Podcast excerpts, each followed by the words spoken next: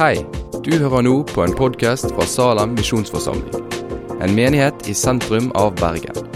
Vil du vite mer om oss eller komme i kontakt med oss, gå inn på salem.no.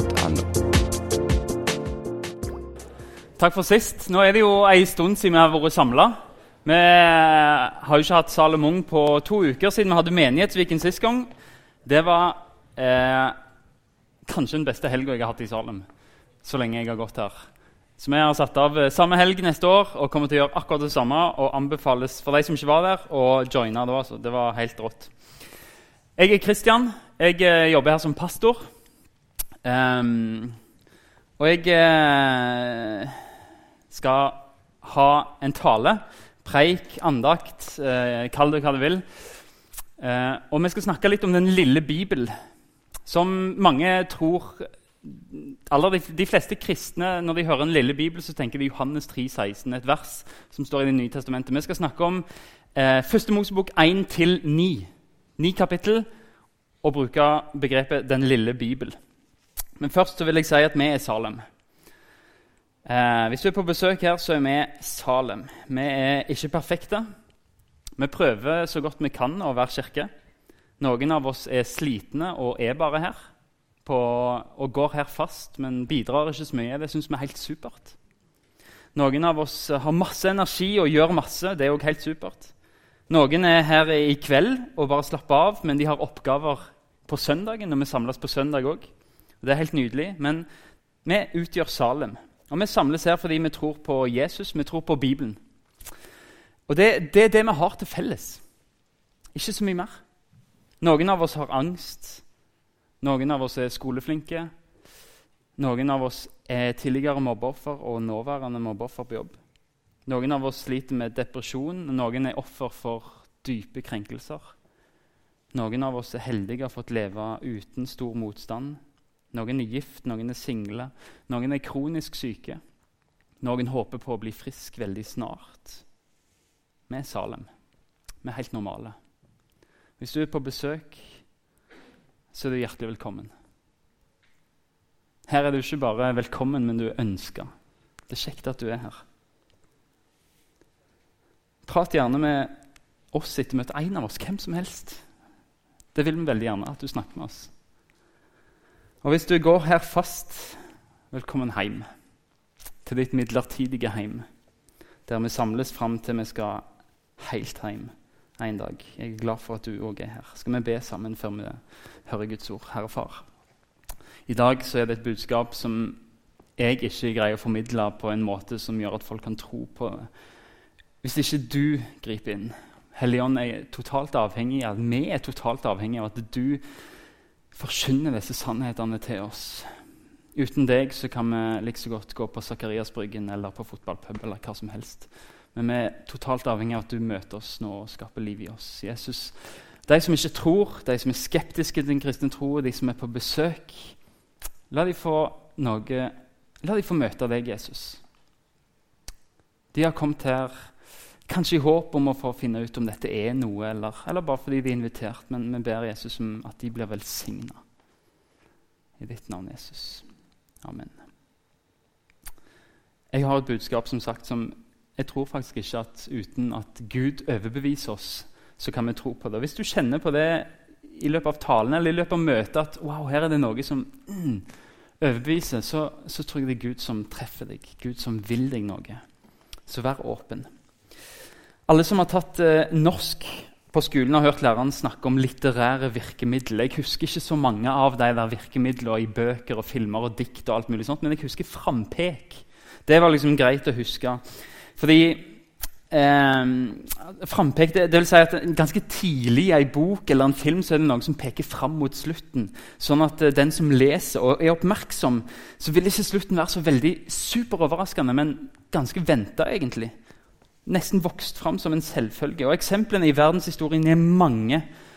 Den store Obi-Wan Kenobi sier til sin lærling Anakin Skywalker Hvorfor får jeg følelsen av at du vil bli min død? Og Så sier han det litt i en sånn spøkefull tone. Men han ler ikke så mye når Darth Wader, tidligere kalt Anakin Skywalker, knerter Obi-Wan Kenobi med et lasersverd. Spoiler alert. Eh, men det er ikke bare George Lucas og Star Wars som kan frampeke. Macbeth, der er det frampek. Romeo og Julie, så, så, Shakespeare i det hele tatt. Eh, to Kill a Mockingbird, Forest Gump, Fluenes herre og Monsterbedriften. Bibelen har og, og, og det fins mange, men Bibelen har òg et sånt frampek. Ikke bare ett, men mange frampek. Og Noen av dem peker mot historiens slutt. Og det, det, det, er sånn at Når du leser Bibelen, så er ikke historiens slutt noen overraskelse. Fordi det har vært så mange frampek. Og Gud, nå, Gud vil ikke overraske deg på slutten av livet. Gud vil ikke overraske deg på slutten av verdenshistorien. Han vil at du skal vite hva som skjer. Han er ikke en despot som liker å leke med skjebnene dine. Nei, han er kjærlig og inviterende. Han sier, 'Kom her. Hør hva som kommer til å skje.' Han lar oss vite slutten av historien, sånn at vi kan få en mulighet til å havne på rett side av historien. Han vil at du skal få en følelse av at noe eller noen kan føre til din død. Og så skal det frampeke gi deg en invitasjon til en annen slutt. Vi skal ta et lite tilbakeblikk på hva vi holder på med her på lørdagskveldene for tida.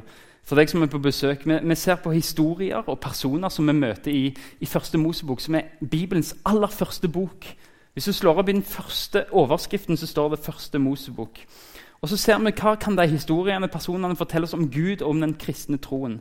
Og Så langt så har vi lest at verden er skapt på Gud skapte verden god, står det. Overmåte godt. Det var bare godhet, ingenting vondskap var i verden. Adam og Eva, de første menneskene, de gjorde opprør mot Gud allikevel. Det vil si at de sa, 'Gud, vi tror vi vet bedre enn deg.' Eh, vi følger vår vei. Vi bryr oss ikke om din vei. Og det blir katastrofalt. For egentlig så er det Gud som har bruksanvisningen på oss. Han som har skapt oss og han som vet best for oss. Så når Adam og Eva forlater Guds måte å leve på, som er bra for dem, så gjør de det at de sjøl prøver å finne løsninger på livet. Og Det ender opp i at, at død kommer inn i verden. Sykdom, lidelse. Og Disse konsekvensene det er det ikke bare Adam og Eva som får, men, men vi lever med det i dag òg. Og så prøver vi å ordne opp sjøl, og så ender det ofte opp med krig eller blodbad. Eh, så prøver vi å ordne med å si at okay, ja, vi skal ha et hierarki, sånn at eh, noen leder og noen blir leder, sånn at det ikke blir så mye krig. Sånn at det ikke blir så mye eh, styr og sånne ting. Men så fører det til rasisme, apartheid og holocaust. Det går ikke så bra. Ja, Kanskje kan teknologien hjelpe oss. Og så skaper vi masse ting som gjør at det fører lange debatter med seg om hva verdier har egentlig et menneske. Og plutselig så ser vi på hverandre som tilfeldige dyr uten særlig verdi, utenom det du greier å prestere i samfunnet. Og så blir vi slitne, og så blir vi trøtte. Og så ser vi en selvmordsrate som skyter i været. Vi ser depresjon og vi ser psykisk lidelse. Og midt oppi alt det der så prøver vi å late som om alt går bra. Vi prøver å gjøre mye, men så blir vi òg late. Og så prøver vi å gjøre livet enklere for oss med alle mulige redskaper og såkalt gode ideer. Og så ender det opp i en klode totalt sett i ubalanse og full av plast. Sånn går det med mennesker som velger bort Guds vei. Verden er ikke skapt sånn vi har gjort den sånn, fordi vi velger våre veier det er synden. Og synd er opprøret mot Gud. Det som vi har arva fra Adam og Eva, det som er typisk mennesker nå. Det som gjør at vi hele tida prioriterer feil. Gud hadde en god plan. Han skapte verden god i utgangspunktet. Og så tok vi fra han spaken og så sa vi 'jeg vil', og så kjører vi verden ad undas. Det er den lange linja fra Adam og til Eva. Men den korte linja forteller like gjerne sannheten som den lange linja. For den korte linja er at disse to Adam og Eva de fikk to sønner, Kain og Abel. Der Kain tok og slo i hjel Abel fordi han var misunnelig på han. Og Gud konfronterer Kain, men han angrer ikke. Og så sier Gud du må være en fredløs flyktning. Du må vekk fra meg. Og Kain var bonde, men Gud sier vet du hva, åkeren skal ikke lenger gi frukt.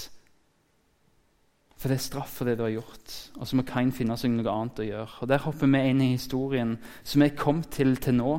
Og Vi skal lese litt tekst. Og Det er faktisk den første verdenshistorien vi skal lese. Noen ser på det som slektstavler. Jeg skal prøve å gi noe mer ut av det. Vi leser fra 1. Mosebok 4, 17 og utover. Kain var sammen med sin kvinne, og hun ble med barn og fødte Henok. Så bygde han en by og ga det navnet etter sin sønn Henok. Henok fikk sønnen Irad, og Irad ble far til Mehujael. Mehujael ble far til Metushael, Metushael ble far til Lamek. Heng med. Lamek tok seg to koner. Den ene het Ada, den andre het Silla. Ada fødte Jabal. Han ble stamfar til den som bor i telt og holder buskap. Hans bror heter Jubal. Han ble stamfar til den som spiller lyre og fløyte. Også Silla fødte en sønn, Tubal-Kain. Han smidde alle slags redskaper av bronse og jern. Les spisse redskaper. Les våpen. Og Tubal-Kains søster var Nama. Lamek sa til sine koner og hør nå, Dette presenterer litt hvordan de menneskene lever etter, etter at de har gjort opprør mot Gud. Lameks koner, lytt til mine ord. En, en mann dreper jeg for et sår. En gutt for en skramme. Kain skal hevnes sju ganger, men Lamek 77 ganger. Vi skal ta med en bitte liten nøkkel fra Det nye testamentet. Det er en som heter Judas. Faktisk Jesus sin bror, fysisk, biologiske bror, som skriver et brev der han advarer mot mennesker som har slått inn på det han kaller, han kaller for Kains vei. Der han skriver Ved deg, stakkars deg, de har slått inn på Kains vei. Og Så beskriver han det litt seinere i litt mer detalj. og Denne teksten har noen vanskelige setninger, men en forstår at det er en beskrivelse av mennesker som ikke lever bra. Judas skriver disse som går på Kains vei, de er gjetere som bare passer på seg sjøl. Og skyer som driver for vind uten å gi regn. De er trær uten frukt om høsten, dobbelt døde, ja, revet opp med rot. De er bølger på opprørt hav som skummer sin egen skamløshet.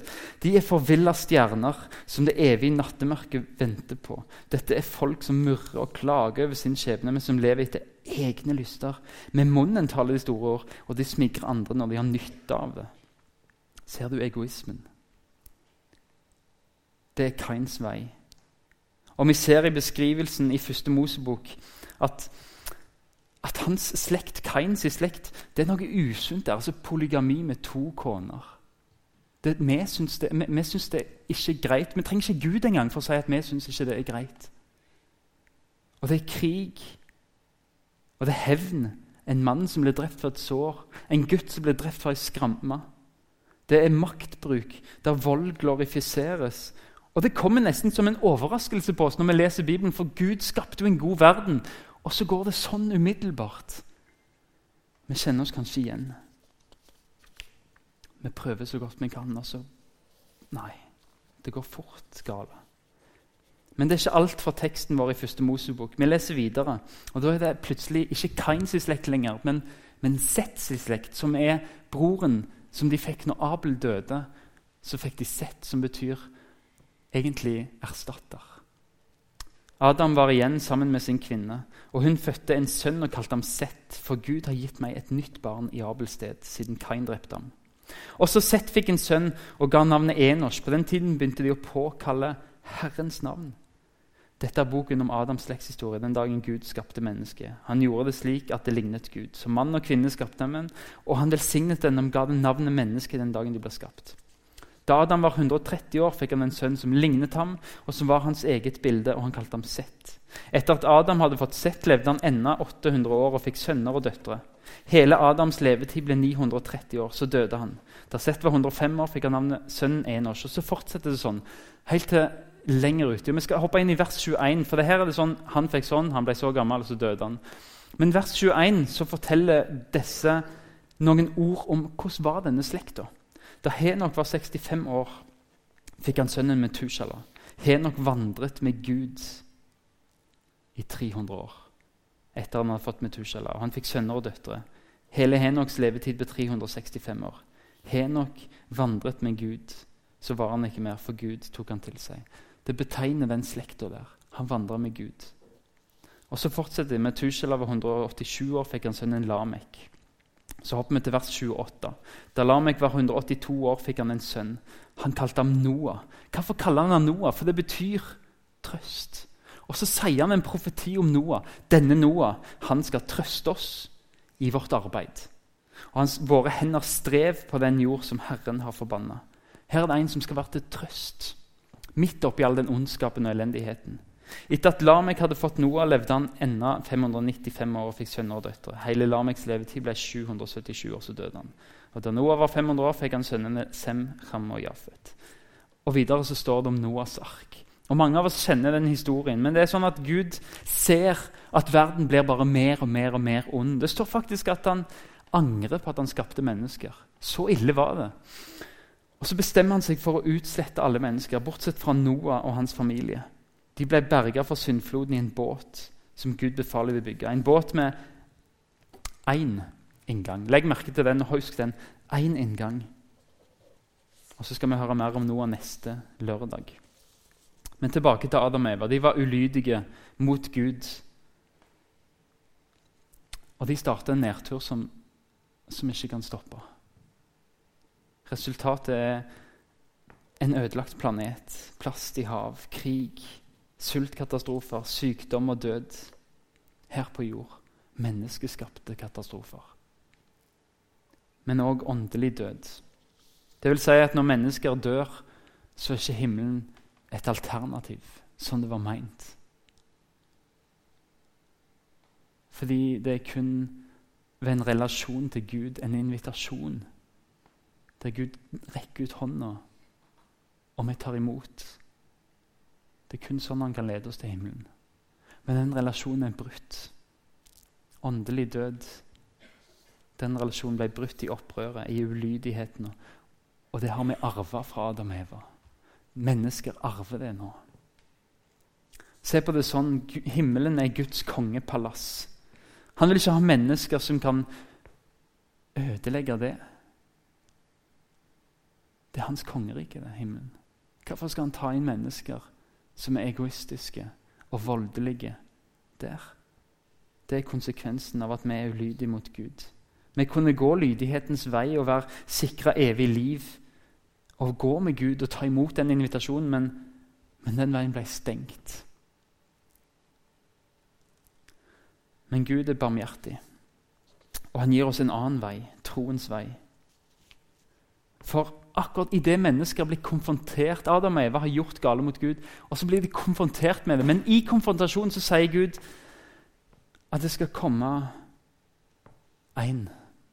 De får et løfte om at det skal komme en i slekta deres som skal vinne over synden, over døden. Det skal komme et menneske som skal knuse døden. Et menneske som skal slette ut alle konsekvensene av alle tingene vi gjør feil. Han skal frelse menneskene. Og frelse det vil si å sette mennesker fri fra makten som døden har over oss. Fri fra alle konsekvenser av våre feile valg.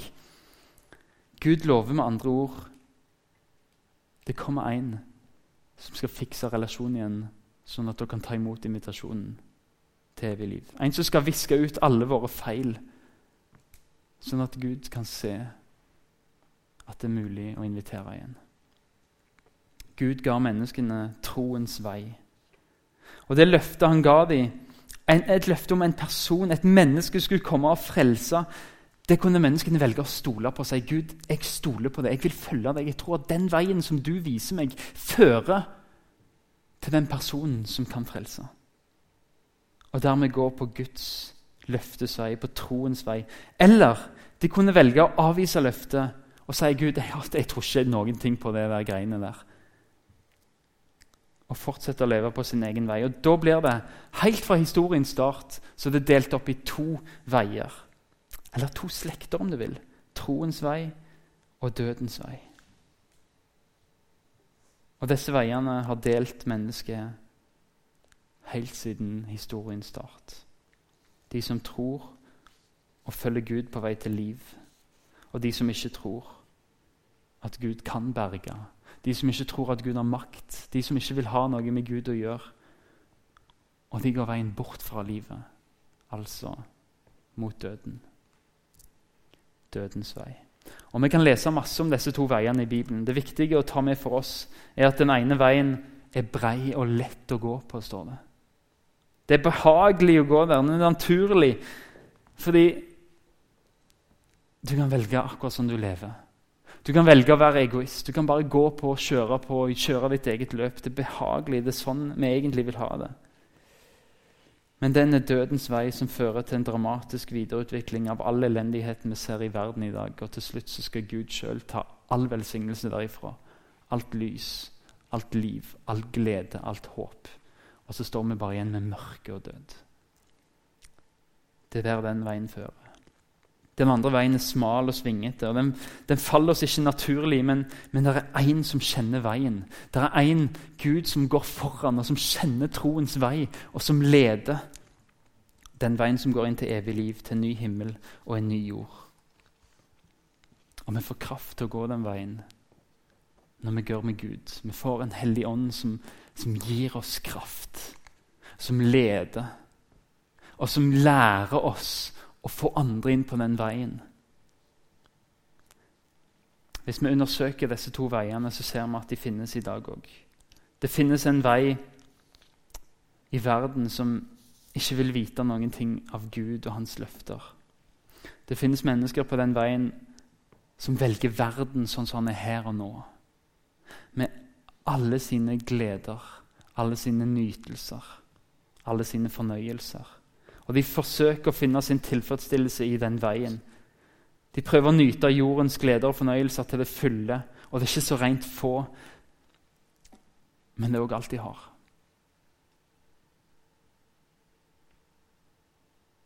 Og så kan de gå og kjenne på en lengsel etter noe mer. Men de får det ikke der.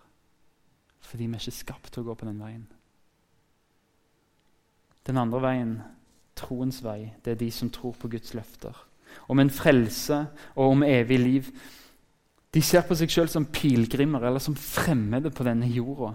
De erfarer at de ikke hører til her, og de venter på løftets oppfyllelse om evig liv sammen med Gud, for det er der som er deres heim. De vet at der hører jeg hjemme. Jeg blir ikke tilfredsstilt her på jord, for jeg vet jeg har en heim der jeg hører hjemme. Det er det som gjør at jeg får håp til å leve i sykdom, i død, i elendighet. For jeg vet at jeg har en annen heim. Jeg hører ikke til her. Jeg er fremmed, jeg er pilegrim, jeg er på vei til en annen plass. Kjenner ikke du òg lengselen etter noe mer enn bare dette? Vi behøver kanskje ikke å føye til at disse to veiene er det Kains vei og det Sets vei. Sett, den nye sønnen til Adam og Eva etter den drepte Abel. En sønn som valgte å leve etter løftene. En sønn som sto han valgte å rope på Gud. Midt oppi all elendighet, midt i alt kaos, midt i all død og fordervelse, så roper han på Gud og vet at det er eneste muligheten jeg har. Han begynte å påkalle Herrens navn, står det. To veier starta. Der Kain, som var ulydig, og som ikke angra, og som ble sendt vekk av Gud, og sett han som sa 'jeg må ha Gud'. Hva skjedde med disse to veiene? De levde side om side lenge. I mange mange, mange hundre år kunne vi lese om disse som, som ble født, som fikk sønner, og som døde, og som levde i 777 år og mer og mindre. Det gikk mange år. De levde sammen. Men så kom Guds dom over alt det vonde. Gud er rettferdig. Har du sett nyhetene av og til der du ser elendighet fra Syria eller Nord-Korea eller du ser elendighet fra Sudan? Og så sitter du og skriker innvendig i nyheten og sier Gud, du må gripe inn. Du må sette en stopper for denne urettferdigheten, for denne galskapen. Du må gripe inn. Og det er akkurat det Gud gjør. Gud griper inn den gangen i historien. Han sender en flom så stor at den utrydder alt liv på jorda. Og menneskets liv begraves i flommen. Og den flommen vasker vekk alt det som er urettferdig, alt det som er vondt på jorda. Problemet er bare at det som er urettferdig, det som er vondt, er mennesker.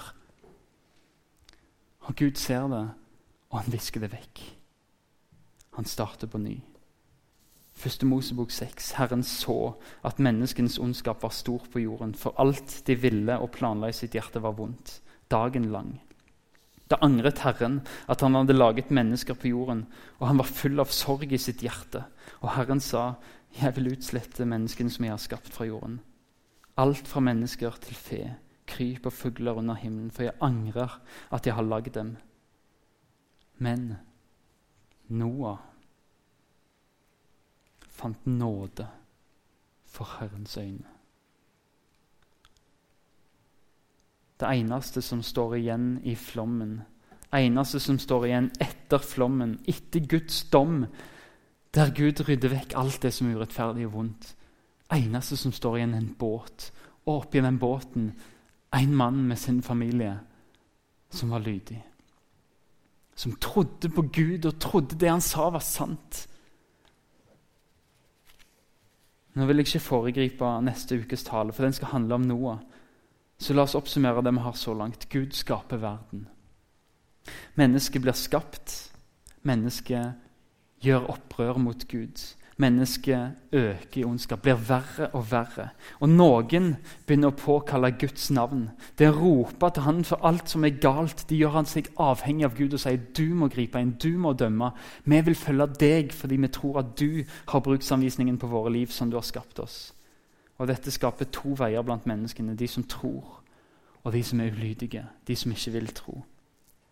Og De lever side om side helt til Gud bestemmer seg for å dømme verden og da er det bare Noah igjen på den ene veien.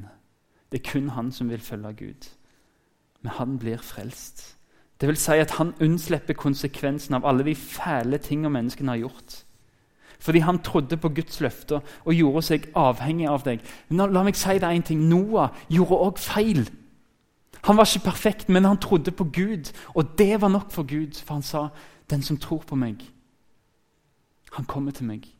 Han kan jeg berge.' Den som ikke tror på meg, han vil springe vekk fra meg. Han kan jeg ikke berge, men jeg må gripe inn her. Og gjøre renner på ondskapen. De andre menneskene blir dømt av Gud og utrydda i floden. Og Noah starter på nytt med sin familie etter floden. Disse kapitlene er i grunnen en miniversjon av hele Bibelen til deg som ikke er kjent med historien i Bibelen, du som ikke har lest Bibelen Disse første ni kapitlene som jeg har fortalt nå, vet du hva? de er et frampek. Du leser de første ni kapitlene, så har du egentlig hele historien. For det er det som skjer. Gud skaper. Mennesket vender seg vekk fra Gud. Noen tror og påkaller Herrens navn. Noen tror og sier Gud og alt vi har, du må gripe oss. Og så lever vi side om side, de som tror og de som ikke tror. Men på slutten av Bibelen så står det at Gud en dag skal gripe inn mot all vondskap, all urettferdighet. Problemet er bare at det som er vondt, og det som er urettferdig, det er mennesker. Det er et frampek på hva som vil skje. Gud viser oss hva som skjer. Han viser at dommen kommer, at han frelser den som tror og skape en ny start der det er bare godt. Vi er skapt, vi feiler, vi er vonde, vi gjør fæle ting. Vi finner ikke ut av det. Vi lever side om side, troende og ikke troende. Vi dør, vi føder, vi dør. Slekter går videre. To veier som lever side om side. To veier preget av lidelse, synd og død og vold og urettferdighet. En dag skal Gud gripe inn når vi roper etter ham. Gud, det er så mye vondskap her. Og da er Bibelen så tydelig på den som tror, blir berga. Den som ikke tror, springer vekk fra han som kan berge, og springer i døden. Jesus sier, 'Gå inn gjennom den trange port'. For vi er porten og bred veien som fører til fortapelse. Og mange er de som går gjennom den, men trang er porten og smale veien som fører til livet. Og få er de som finner den. Når alt det er sagt, så kan jeg si at det er ikke sånn at vi mennesker som tror på Jesus, er syndfrie. Vi gjør feil. Vi gjør masse feil. Vi er langt ifra perfekte. Du kan slå opp nesten i nyheter overalt i verden og se at kirkeledere gjør grove feil som fører til at mennesker blir krenka. Det skjer òg i troens vei. Vi er langt ifra perfekte, og vi kommer aldri til å bli perfekte heller. Men synden i mennesket, det opprøret, det går på kryss og tvers av begge disse to veiene. Men de på troens vei de klamrer seg til Guds løfte om en som skal frelse, om Jesus. Om en som skal sette folk fri fra konsekvensen av alle våre feil. Og fri fra å bli dømt for det. Og det er troen på løftet. Det er troen på at Gud skal frelse, som skiller troens vei fra ulydighetens vei. Jeg nevnte at Noas ark den hadde bare én en eneste inngang. Det var kun én dør å komme seg inn i Noas ark på. Det var kun én dør du måtte gå inn for å overleve syndefloden, for å overleve Guds dom. Jesus sier, 'Jeg er veien, sannheten og livet'. Ingen ikke kristne. Ikke, ikke kristne, ikke ateister, ikke deister. Ikke agnostikere, ikke muslimer. Ingen kommer til far uten gjennom Jesus. Gud venter med dommen. Han drøyer. Han sier i Bibelen at han drøyer fordi han vil at flest mulig mennesker skal bli frelst. Han vil at alle mennesker skal bli frelst. Men han tvinger absolutt ingen. Gud jobber på spreng i en fallen verden. Og den verden er fallen. Det gjør at vi opplever en del vonde ting. Vi, vi lever i død og sykdom og lidelse, men Gud vil ikke gripe inn ennå. For han vil så gjerne at du skal tro. Han vil at du skal tro på han og bli berga. Derfor venter han. Gud jobber i en imperfekt verden. Han bruker imperfekte mennesker, sånn som oss i Salem, for om mulig å vekke mennesker til sannheten om at det finnes bare ett evig liv. Det finnes bare én måte å få evig liv på. Og kanskje er det vekka i deg i dag, den sannheten. Kanskje har Gud brukt mine feilbarlige ord til å nå inn i ditt hjerte med en sannhet om at du må velge, du må velge den veien. Noen velger bort Gud, og det er sårt for han, men han tvinger ingen. Men de velger han bort her i denne tida. Men de velger han òg bort etter døden. Da er det ingen som kan være der og reise opp til evig liv. Da er det ingen Gud som gir lys, glede og håp. Da er det bare mørke og død igjen. Det er ingen andre enn han som kan skape nytt liv. Så hvis en velger bort Gud, så velger en bort død. Herre, du ransaker meg, og du vet. Du vet om jeg sitter eller står. På lang avstand kjenner du mine tanker. Om jeg går eller ligger, så ser du det. Du kjenner alle mine veier. Før jeg har et ord på tungen, Herre, så kjenner du det fullt ut. La de to siste versene få bli til din bønn. Og Gud kan svare på den.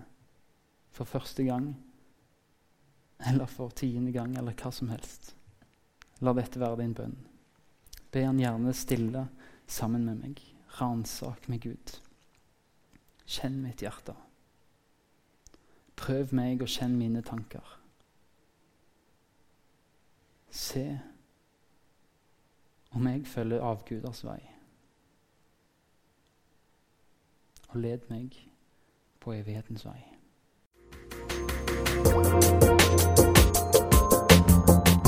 Takk for at du har hørt på podkasten fra Salem, Bergen. I Salem vil vi vokse i et stadig dypere fellesskap med Gud og med hverandre. Vi vil være Jesu hender og føtter, og vi vil være med og forkynne frelse for Bergen og resten av verden. Besøk oss gjerne på salem.no om du vil vite mer.